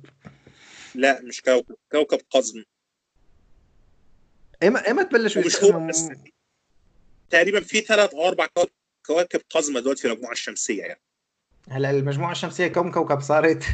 ثمانية؟ ثمانية ثمانية ثمانية وبيحاولوا بيحاولوا يكتشفوا في التاسع يعني. امم وفي في يعني الكواكب القزمة صاروا أكثر من واحد يعني هلأ في أكثر بلوتو كوكب قزم في كذا كوكب قزم كمان أبعد من بلوتو. في أبعد من بلوتو في حوالين يعني في في في, في المدارات هي كلها مداراتها واسعة جدا هي مدارات بعيدة كلها مدارات الكواكب القزمة يعني. أنا ما بعرف ليش شرنوبي عم يسأل هيك سؤال بس لا بأس. بيقول لك سؤال مهم كمان يعني هل تعتقد أننا سنصبح كائنات متعددة الكواكب؟ لا. أنت ليش هيك متشائم؟ ليش منك عم تفكر مثل الصديق إيلون ماسك؟ الصديق الصديق إيلون ماسك بده يطلع لبرا. إيلون ماسك بيعمل حاجات مهمة جدا. أنا أنا بحب إيلون ماسك يا طبعا يعني. أنا شايف ايلون ماسك بيعمل حاجات مهمة في في إطارين في إطار شركة سبيس إكس فيما يتعلق بتوصيل ال ال ال ال الحاجات لمحطة الفضاء الدولية المؤن وكده بشكل أرخص وفيما يتعلق بإطلاق الاقمار الاصطناعية بشكل أرخص وتوفير الإنترنت على مستوى الأرض وكذلك الرحلات بتاعة العودة للقمر والرحلات السياحية حوالين القمر إلى آخره. آه، دي مهمة سبيس إكس الأعظم والأهم بالنسبة لي. بجانب آه، اللي بيعمله إيلون ماسك في تسلا ده شيء عظيم جدا جدا. آه، لو هو استمر فيه وقدر يلاقي التمويل الكافي لإن الشركة تستمر فهو هيغير شكل السيارات وهيغير شكل البطاريات وحفظ الطاقة على على scale كبير خلال ال 10 15 سنة الجايين. لكن بما يتعلق interplanetary species أو ال ال يعني الكائنات البين كوكبية أو على مستوى الكواكب فانا مش مقتنع بيه. لسبب رئيسي خالص. يعني عندك كوكب المريخ البيئة فيه شديدة الصعوبة. الضغط الجوي فيه ضعيف جدا. الغلاف الجوي فيه خفيف جدا. آه التربة فيه غير مهيئة لأي شيء. ما فيش أكسجين. ما, ما طب ماشي. ما أنت بتصرف مليارات مليارات. بينما أنت عندك مثلا أماكن في كوكب الأرض هي غير مستثمرة حتى الآن. الصحراء الكبرى في شمال أفريقيا الأماكن الصحراوية عموما ال ال القطب الشمالي. الأماكن دي أكيد البيئة فيها أسهل واستغلالها أسهل من المريخ. خلينا يعني في أكسجين على الأقل في تربة صالحه في أو في أو في مية عذبة أو في أو في. يعني في النهاية أنا لو هصرف 20 30 40 مليار دولار عشان عشان أنجح في إني أعمل مستعمرة صغيرة على المريخ المبلغ ده لو اتصرف في حل مشاكل الزراعة في المناطق الصحراوية الأفريقية هيبقى أفضل لكوكب الأرض وللبشر بس. فيعني آه، أنا أنا قناعتي في الموضوع ده إن فلسفة التفكير في الهرب من الكوكب آه، آه، هي فلسفة رأسمالية سخيفة وفي نفس الوقت التغير المناخي والتلوث والدمار اللي بيحصل للكوكب المسؤول عنه في الأساس هو الشركات الرأسمالية الضخمة العابرة للقارات مش آه. المواطن العادي اللي بيروح آه بعربيته الشغل فيتقال له إنك أنت اللي بتوس بتلوث كوكب الأرض وبتبوظه لأ الانبعاثات الكربونية والغازات السامة والغازات الاحتباس الحراري والتلوث وتدمير الأراضي على على نطاق واسع المسؤول عنه بشكل رئيسي الشركات الرأسمالية العملاقة والدول الاكثر آه، تقدما آه، ف هم في النهاية بعد ما وصلوا للمرحلة دي في كوكب الأرض عايزين يقول لك لا إن إحنا هنصرف عشان نجهز المريخ. لا بصراحة المنطق هنا بيقول لا يعني اصرف أكتر عشان تحل المشاكل بتاعت كوكب الأرض. لما مثلا تلاقي تشريع من دولة ما بترفض فيها إنها تنفق أكتر في عشان توفر في الوقود الأحفوري. ما هو الوقود الأحفوري ده هو بيلوث الأرض. هل أنت لما توفر لما لما ترفض التوفير فيه هل انت بعد كده هتصرف مئات المليارات عشان تروح تعيش في المريخ؟ خلينا منطقيين يعني. ده ده فهي ببساطة شديدة لو إيلون ماسك قدر يروح المريخ ببعثة أو قدر يعمل أي شيء على أي كوكب آخر أو زي ما هو بيحلم ففي النهاية هيبقى شيء محدود جدا للإنجاز الفردي. يعني هو هيبقى إنجاز فردي فقط لا غير. مش ما, ما أقدرش أطلق عليه بأي حال إن إحنا بقينا آآ آآ اللي هو متعددة الكواكب. كائنات متعددة الكواكب بالظبط ما أقدرش أقول هذا. حتى لو هو إيلون ماسك خلال 10 15 20 سنة أو البشر عموما خلال 10 15 20 سنة قدروا إن هم يحطوا بعثه على المريخ فيها 100 واحد وبدأت تعمل أي حاجة فده مش معناه إن إحنا بقينا كائنات متعددة الكواكب. لا إحنا نبقى كائنات متعددة الكواكب لما يبقى في عدد من الناس على كوكب المريخ قد كوكب الأرض. وده مش هيحصل غير لما كوكب الأرض نفسه يبقى قابل للاستمرارية الحيوية والاستمرارية البيئية وده مش هيحصل غير ببساطة شديدة لما البشرية تتقرص قرصه كبيرة شوية على المستوى البيئي طبعا مم. لما يبدأ صناع السياسات على مستوى العالم وقيادات الرأسمالية على مستوى العالم وعلى فكرة يعني الكلام ده أنا مش يساري مثلا ولا حاجة لا خالص يعني لكن ده الواقع بصراحة إن إن دول يبدأوا يعرفوا إن سياساتهم دي اللي بتزود ملياراتهم في البنوك أثرها على البشرية كله هيطلهم بشكل أو بآخر وإن هم في اللحظة دي مش هيقدروا ياخدوا المركب المركبة بتاعتهم ويروحوا يعيشوا في المريخ. ده مش هيحصل. تمام. تمام. الفكرة الفكرة الاساسيه إنه خلينا نحل المشاكل اللي موجودة عندنا هون. رح يكون رح يكون حل المشاكل أرخص من أرخص تجهيز من نبعت 1000 واحد يعيشوا في المريخ واحول المريخ لجنة خضراء. ما احول الصحراء اللي عندي لجنة خضراء أو الجنة الخضراء اللي اوريدي عندي أحافظ عليها. يعني تمام يعني والمشكلة الكبرى بالنهاية هي الصين وأمريكا. يعني لما أنت عندك من أكبر دولتين بالعالم وعندك الصين اللي هي عندها عدد سكان هائل وما فيها قوانين بتساعد البيئة مثلا. حتى بيتناقشوا هون بأوروبا بالموضوع هذا. يعني إنه نحن قد ما عملنا بأوروبا كل شيء بنحافظ عليه كل شيء بنحاول نساويه. ممكن الصين بيوم واحد بسبب عدد السكان الهائل تبعها تعمل له ريفيرس تعكسه. والأخير سؤال أخير من عند شروبي بعد هذا السؤال الفلسفي المعقد. بيقول لك شو رأيك بال Wow signal وال ما حعرف الفظها هاي.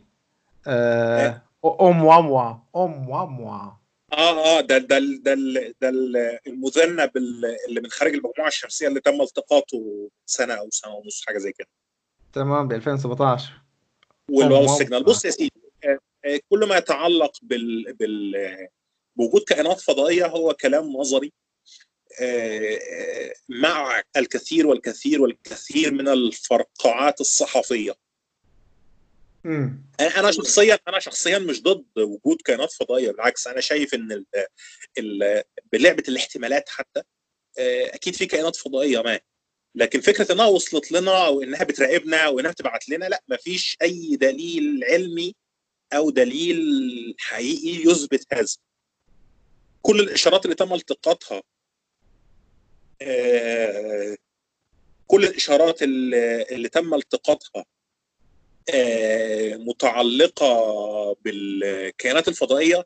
العلم أثبت بعد كده إن لا دي إشارة منعكسة من محطة أرضية. لا دي آه، مشكلة في التردد الكهربائي مش عارف بتاع إيه فعمل نويز في الإشارة. فمش عارف يعني في النهاية كلها تم إثبات كلها بلا استثناء تم إثبات إن مصدرها أرضي. آه، لكن الصحافة بتاخد الخبر الأصلي الخبر الأساسي تنشره جدا. وما بتاخدش الإثبات اللي بعد كده تنشره. لأنه ما نو ما نو ما بيعمل ضجة ما بيعمل ترند بالظبط بالظبط يعني-. فتلاقي مثلا ال الواو سيجنال كل الجرايد تكتب. طب لما يقولوا لا ده ده إشارة منعكسة من مش عارف إيه آه، تلاقي واحد بس اللي كتب امم تمام تمام. ال- المذنب الأخير اللي تم التقاطه وتم اثبات إنه من خارج المجموعة الشمسية مداره بيقول إنه جاي من خارج المجموعة الشمسية شكله ودورانه آه، آه، عالم قال ده شكله كده بيقولوا إن هو مركبة فضائية متنكرة يعني فالصحافة كلها اتكلمت وقالت إن ده شكله مش عارف إيه فاهمني؟ شكله مركبة فضائية متنكرة. آه، بعد شوية مزي- مزيد من التحليل والتحليل ال- ال- الرياضي بالكمبيوتر و و وال- خدوا فترة بعد كده قالوا لا ده هو شكله طويل شبه السيجار وبيلف حوالين نفسه بزاوية معينة. فالإشارة ال- فانعكاس ضوء الشمس عليه بيتغير على حسب ال- الجزء المواجه لينا. منه. أحيانا بيبقى نقطة صغيرة واحيانا بيبقى طويل.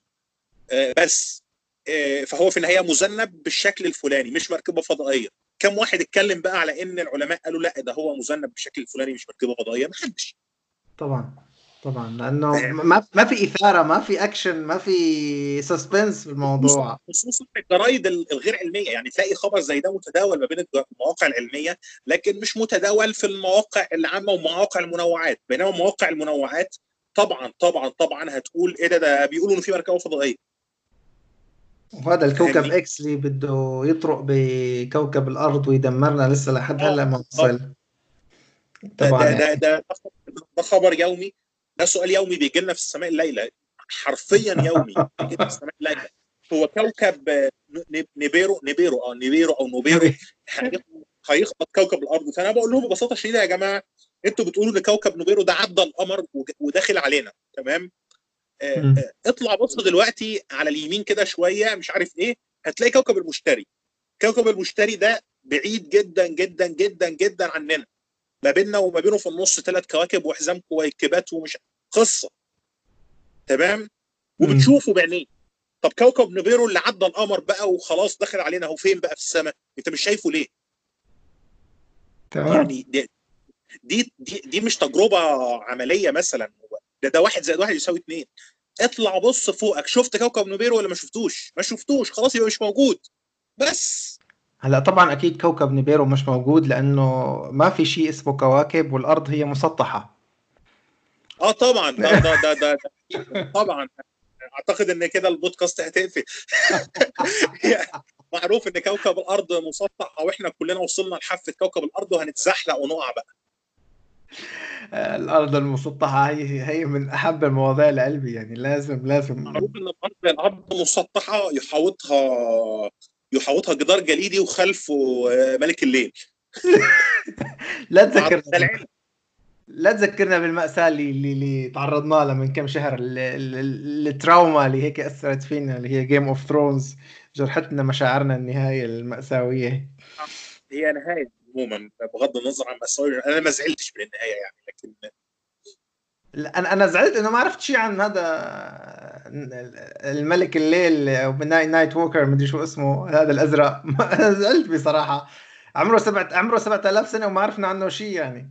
شيء محزن بس هو هو قاعد هو قاعد ورا الجدار اللي بيحمي الأرض المسطحة عشان لما حد يحاول يهرب من الأرض المسطحة ي... ي... ي... خلص يجيبه. عليه. خلص عليه. وهو ك... هو هي هي دي خلاصة Game of Thrones إن هو بيثبت إن الأرض مسطحة وإن ملك الليل قاعد ورا عشان أي حد يعدي من ورا الجدار بتاع الأرض المسطحه نجيبوه. الله عليك يا رسلان هي نظرية جديدة يعني لازم بتاع الأرض المسطحة يتعلموا منها. آه طبعا. خليني أحكي لك حكاية طريفة. في صح. في كذ- في كذبة إبريل من حوالي سنتين مم. نزل- نزلنا على السماء الليلة آه، post بيقول إن ال- ال- العالم سامويل تارلي من جامعة مش عارف إيه الأمريكية. طبعا سامويل تارلي ده من شخصيات Game of Thrones فقلنا العالم سامويل تارلي من جامعة كذا الأمريكية آه، اليابانية. يؤكد أن الأرض مسطحة آه، وأن كان بص طويل كده يعني وأن نشر نشر نشر بحثه العلمي في مجلة The Citadel مش عارف آه. وجب وجبنا صورة من Game of Thrones لجون سنو وسامويل تارلي اللي هم واقفين آه، فوق الجدار. وعملت. لها Photoshop كويس جدا من أسوأ يعني أسوأ quality ممكنة في ال Photoshop شلت الغابة اللي ورا الجدار وحطيت دراع المجرة. و... و... ونشرت ال post ده اتنشر مثلا آه. اتعمل له share وجاب آلاف اللايكات ووصل لمئات الآلاف من المتابعين. والناس بدأت تتخانق معانا يا جماعة ده كلام مش علمي. فطبعا إحنا بنقول لهم يا جماعة والله دي كذبه إبريل يعني. في ناس بقى بتشير ال post باعتباره حقيقة. طبعا. طبعا. المشكلة إن الصورة الصورة تحتاج من أي حد عاقل تفكير أكتر تفكير لمدة ثلاث ثواني. بالظبط بالظبط ثلاث ثواني. عشان يعرف إن الصورة دي Photoshop سيء سيء Photoshop سيء كمان مش Photoshop متقن. لا أنا كنت متعمد إن أنا أعمله Photoshop سيء جدا. الحواف فيه واضحة و- و- و- ومتكسرة و... يعني Photoshop كأنه معمول على برنامج الرسام Windows 98 مثلا. يعني هو المشكلة نظرية المؤامرة بأي شيء بتخلي لأي موضوع له هيك طابع خاص يعني ولما الواحد يؤمن بهالشغلة هي إنه دائما المؤسسات الكبيرة هي عم تخبي شغلات علينا. وفي عندك شيء تاني اللي بياخذ القصة بإنه لها علاقة بالدين وبالقرآن أو بالكتاب المقدس مذكور إنه الأرض مسطحة وما مذكور دليل على كروية الأرض. ف... العلماء أثبتوا إن الأرض كروية من أكثر من ألف سنة. أظن إن كان جابر بن حيان آه، على ما أتذكر قاس محيط الأرض آه، بعد ما أثبت إنها كروية يعني آه، فيعني تخيل إحنا عندنا حتى في التراث العلمي الإسلامي بيقول إن الأرض كروية آه، آه، لكن مشكله الأرض المسطحة دي بدأت تطلع بقوة خلال ال 30 40 سنة الأخيرة وكل التفسيرات الدينية ليها تفسيرات ضحلة جدا كل التفسيرات العلمية ليها تفسيرات ضحلة جدا وعلى فكرة هي المشكلة يعني هي أكثر وضوحا بكتير في الغرب في أمريكا مش عندنا. يعني إحنا. عندنا الجماعه بتوع الأرض المسطحة آه، آه، جماعات عشوائية كده تعليقات على فيسبوك. إنما في أمريكا وفي أوروبا الأمر منظم. في منظمات بتعمل مؤتمرات سنوية وبتاخد تمويل وبتعمل حملات وبتعمل وليها إصدارات صحفية وليها مجلات بتدافع عن فكرة الأرض المسطحة. تمام. يعني ولهم هو مؤتمرات الأمر سنوية يعني. الأمر متعلق بانعدام ال- ال- المنطق البشري في جزء من عقول الناس دي بصراحة مش أكتر من كده.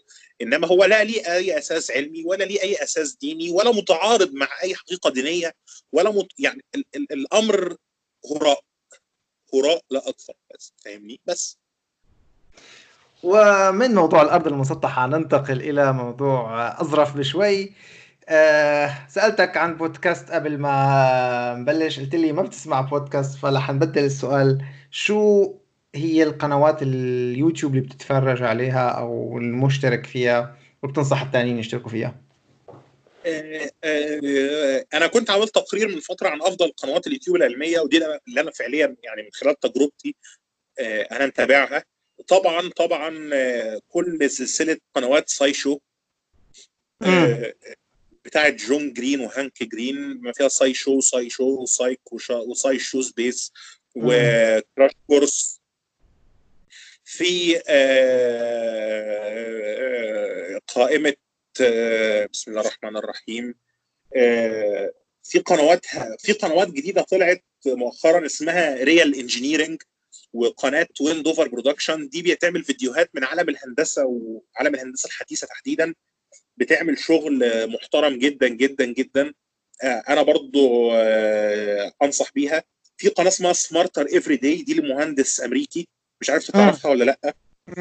حلوة حلوة جدا. Every Day لازم لازم لازم لازم تتابع. آه، في Vsauce وان كان مؤخرا ما بقتش أحبه قوي بصراحة عشان بدأ يطول قوي في الفيديوهات. يعني إحنا يعني اتجه هو اليوتيوب Red ويوتيوب Red مش مفتوح في مصر. فما بعرفش أشوف فيديوهاته. في. قناه في قناة حاليا مظلومة. حاليا صار حاليا صار مجاني على فكرة. لآخر السنة ما بعرف إذا هيك موجود عندكم ب بمصر ب... بأوروبا. آه، اليوتيوب Red آه، عم نشوف المسلسلات كلها مجانيا لنهاية ديسمبر مفروض. مشان هيك أنا عم تابع Vsauce من جديد. ما أعتقدش عندنا في مصر. ما أعتقدش. عندنا في مصر. في قناة بقى مظلومة ومش مشهورة اسمها إيزاك آرثر. ده واحد اسمه إسحاق آرثر يعني أو إيزاك آرثر. ده بيتكلم عن العلوم من آه، منطق الخيال العلمي وعلاقته بال- بالواقع العلمي الحقيقي. فتلاقيه بيعمل فيديوهات عن السفر عبر الزمن فيديوهات عن ال intergalactic species بقى مش interplanetary species وبينطلق دايما من منطلق روايات الخيال العلمي ويقول بقى إيه الواقع اللي إحنا ممكن نعمله إيه اللي ممكن على المدى القريب وإيه اللي ممكن على المدى البعيد وإيه المستحيل اللي مش هيتعمل. دي قناة أنصح بيها. أنا عامل قائمه بكل القنوات دي على إضاءات في مقال. ممكن نرفق الرابط برضه في البودكاست لما يتنشر. تمام. آه، في قناة اسمها It's Okay To Be Smart ده مم. بيتكلم أكتر بيولوجي لكن هو بيتكلم في كل حاجة طبعا لكن بيركز أكتر في البيولوجي دي قناة مهمة جدا جدا برضو أنا أنا بحب آه، بشكل عام كل إنتاجات PBS اللي هي الإذاعة الأمريكية تقريبا على تمام. اليوتيوب. مم. آه، هي هي كلها لازم تتشاف. هي قنوات كلها بالكامل لازم تتشاف. أنا أعتقد كده قلت مجموعة كفايه لكن طبعا أنا عامل يعني أنا متابع أكتر من كده بكتير. في قنوات في الكيمياء في قناة اسمها Cody's Lab. كودي Cody's Lab. واحد اسمه كودي. فاسمها Cody's Lab. تمام؟ دي بتتكلم في الكيمياء بيعمل تجارب كيميائية وتجارب في الزراعة وتجارب في- يعني دي قناة. طبعا أنا بتفرج على الحاجات دي من باب التسلية يعني في يعني في قنوات أنا بتفرج عليها for science وفي قنوات زي الكيمياء لأن أنا مش من مش من محبي الكيمياء قوي بتفرج عليها من باب التسلية. بحب أتفرج على التجارب الكيميائية وهي بتتعمل. ففي في قناة كيميائية برضو اسمها NileRed وقناة كيميائية اسمها Reactions وقناة اسمها Periodic Table دول أربع قنوات في الكيمياء دول أنا بحبهم جدا بحب أتفرج عليهم for entertainment يعني. حلو.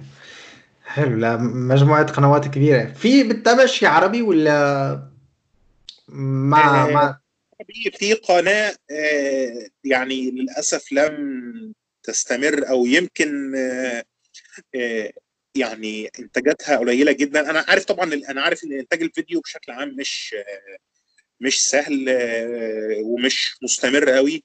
طبعا دكتور نضال قسوم أنا مش عارف ما ذكرتوش إزاي بت- بت- بتابع طبعا قناته وبحب جدا الشغل اللي هو بيعمله. مم. ممتاز جدا جدا.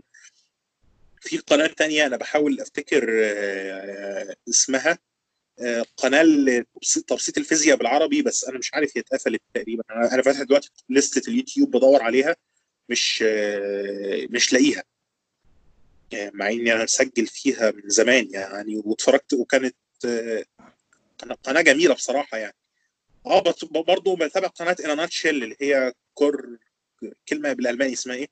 Kurzgesagt آه Kurzgesagt آه دي طبعا برضو. دي, دي, دي برضو دي قناة ممتازة. في قناة اسمها Curious Droid بص أنا أنا رأيي تنشر القائمه تمام خلاص.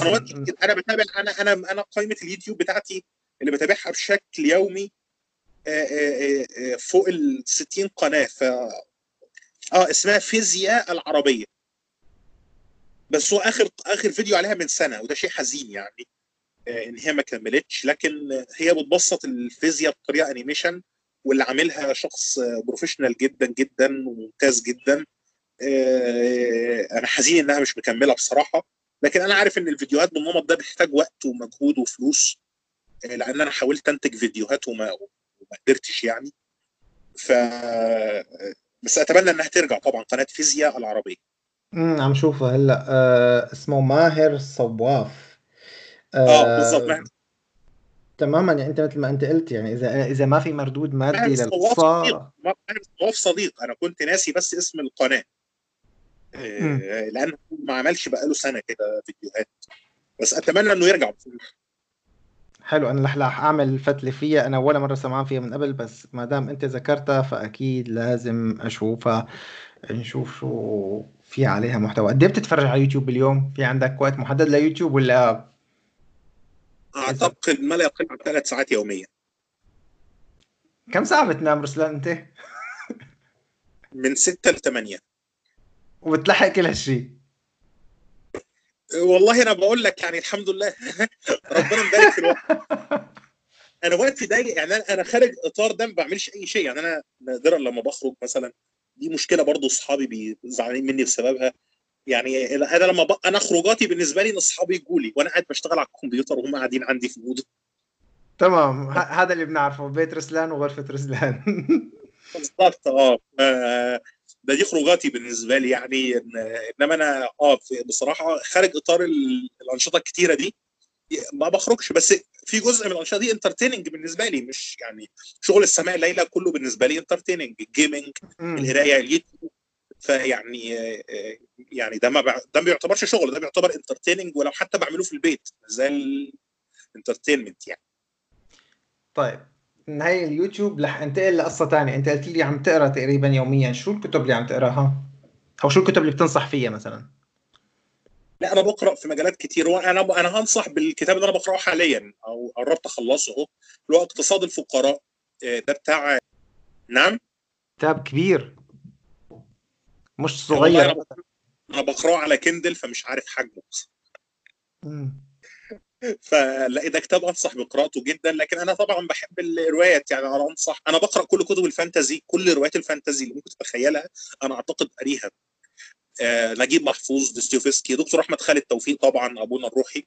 آه آه آه ف آه سلسلة Game of Thrones كلها قريتها.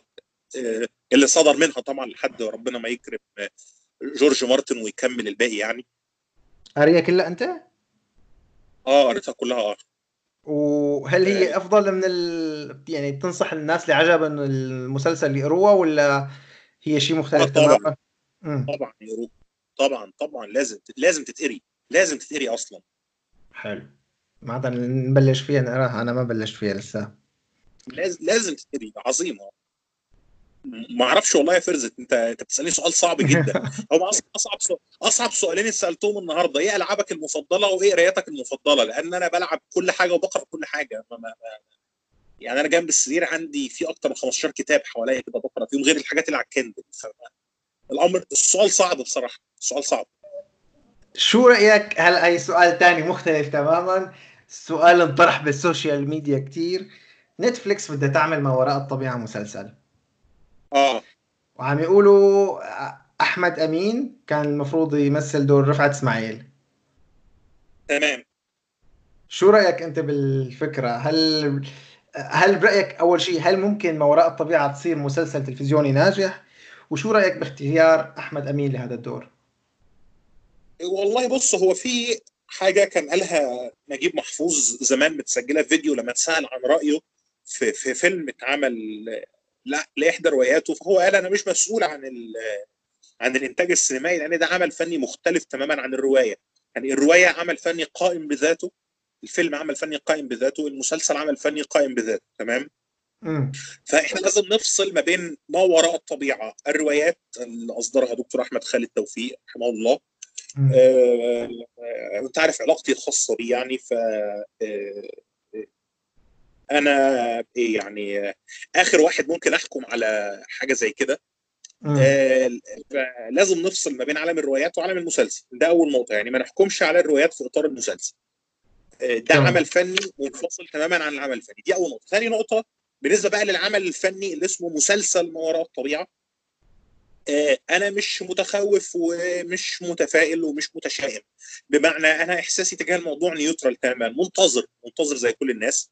آه، أحمد أمين تحديدا أنا متفائل بيه. يعني هو آه يعني بالنسبة لناس كتيرة هو محبوس في في في في دور الكوميديا لكن أنا متفائل بيه لأن أنا شايف إن هو ممثل ممتاز. يعني هو قادر قادر على إنه يعمل دور رفعت إسماعيل لو خس لو هو خس كتير.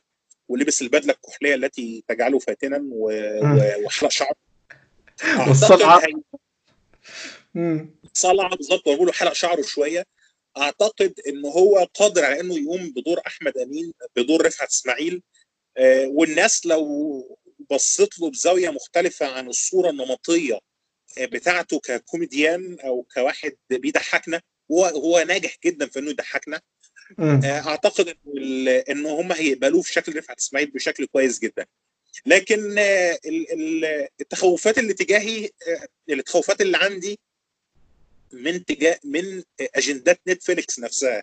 هل نتفليكس هتفرض على فريق الإنتاج وفريق المسلسل آه، أجندة أو توجه إيديولوجي أو توجه آه، سياسي أو توجه اجتماعي معين أو رسالة معينة تجبرهم إن هم يحطوها في قلب المسلسل؟ ولا لا؟ أنا ما أعرفش. أنا ما أعرفش نتفليكس بتعمل ده ولا لا لكن نتفليكس بقى لها سنتين ثلاثة آه، بحس انها بتقحم افكار معينة عندهم في كل مسلسل كل افلامها. نعم. افكار افكار تقدمية ماشي ما عنديش مشكلة طبعا مع الافكار دي. أنا بتكلم في إقحامها في خارج الإطار المنطقي المقبول اللي يخليها تبقى باينة إنها طبيعية ماشية مع السياق. تمام مثل مثل لا دي بابيل إذا شايفه أنت الجزء الثالث أنا أنا آه، انصدمت يعني. آه آه من غير ما نحرق على الناس يعني ف بس أنا شفت لاكاسا دي بابيل كامل طبعا ومش لاكاسا دي بابيل كاس تقريبا تقريبا كل إنتاج نتفليكس مؤخرا يعني. فأنا خايف من يت من إن من إن يتم إقحام أي حاجة في المسلسل خارج إطار البيئة المسلسل هو مسلسل في مصر الستينات والسبعينات والثمانينات ما بين الريف والمنصورة والقاهرة. فيعني معلش يعني البيئة دي مختلفة تماما عن اللي بتقدمه نتفليكس وعن اللي بيقدمه عمرو السلامه نفسه. ف... فده تخوفي الوحيد لكن أنا أعتقد إن ده مش هيحصل. أو أتمنى أو امل بس يعني ده التخوف الوحيد اللي عندي إن ال... إن الإطار العام يبقى مختلف الإطار العام يبقى مختلف عن ال...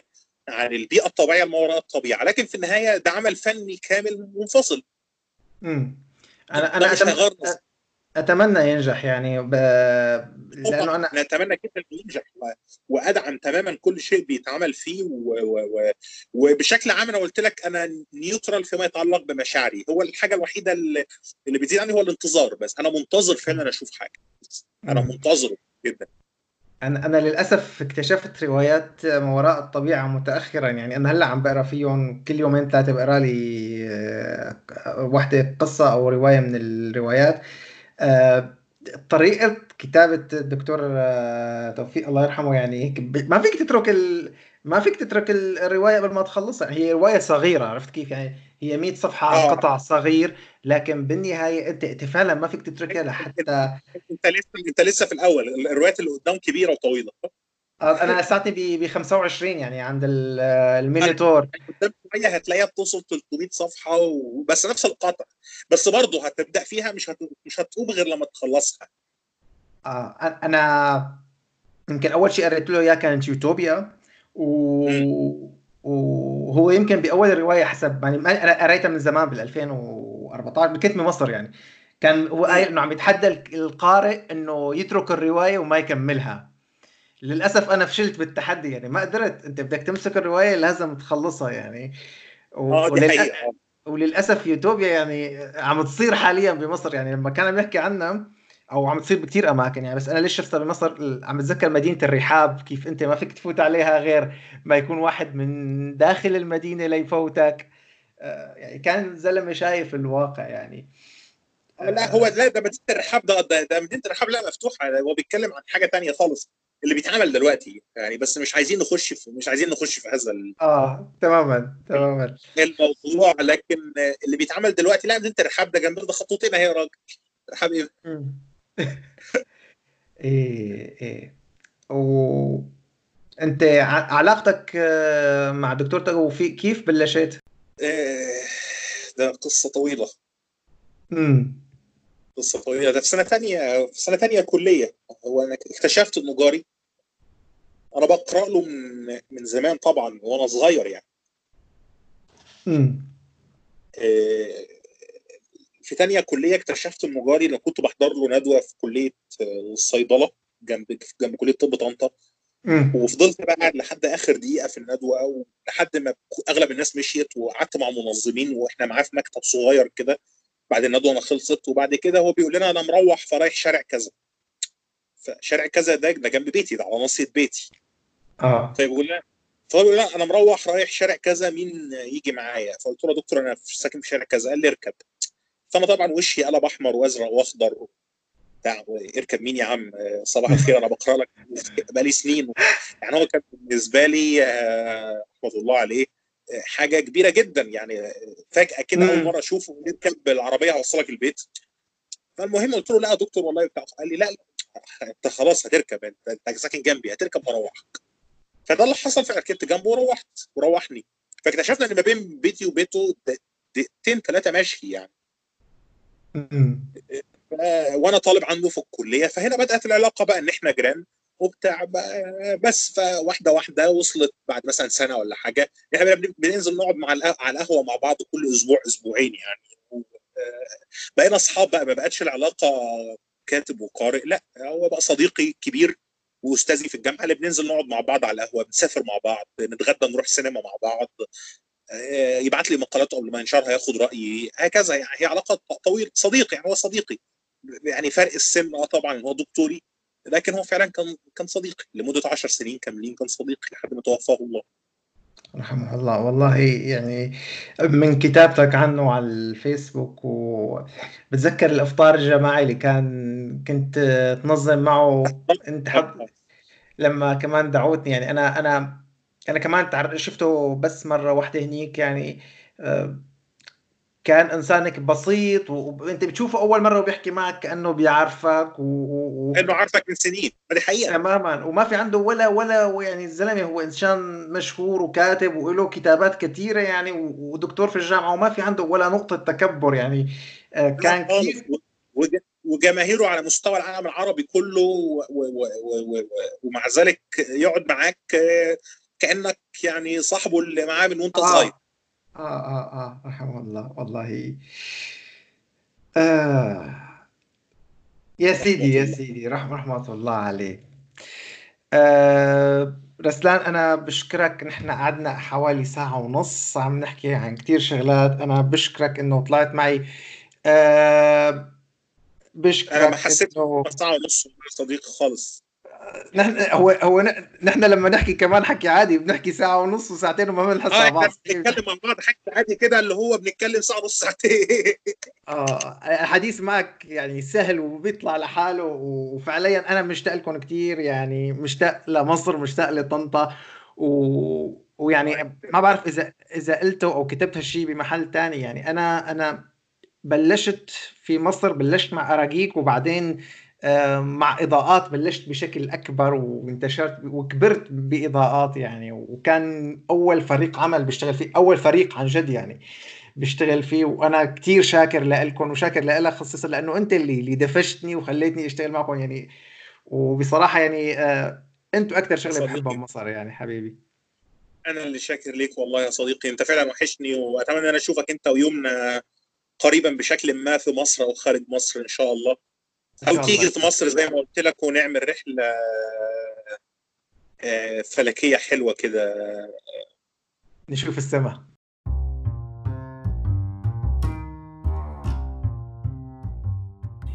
شكرا أصدقائي وصلكم لنهاية الحلقة. بتمنى أنه تكون الحلقة قد نالت إعجابكم. بتمنى أستمر بهذا المشروع الصغير.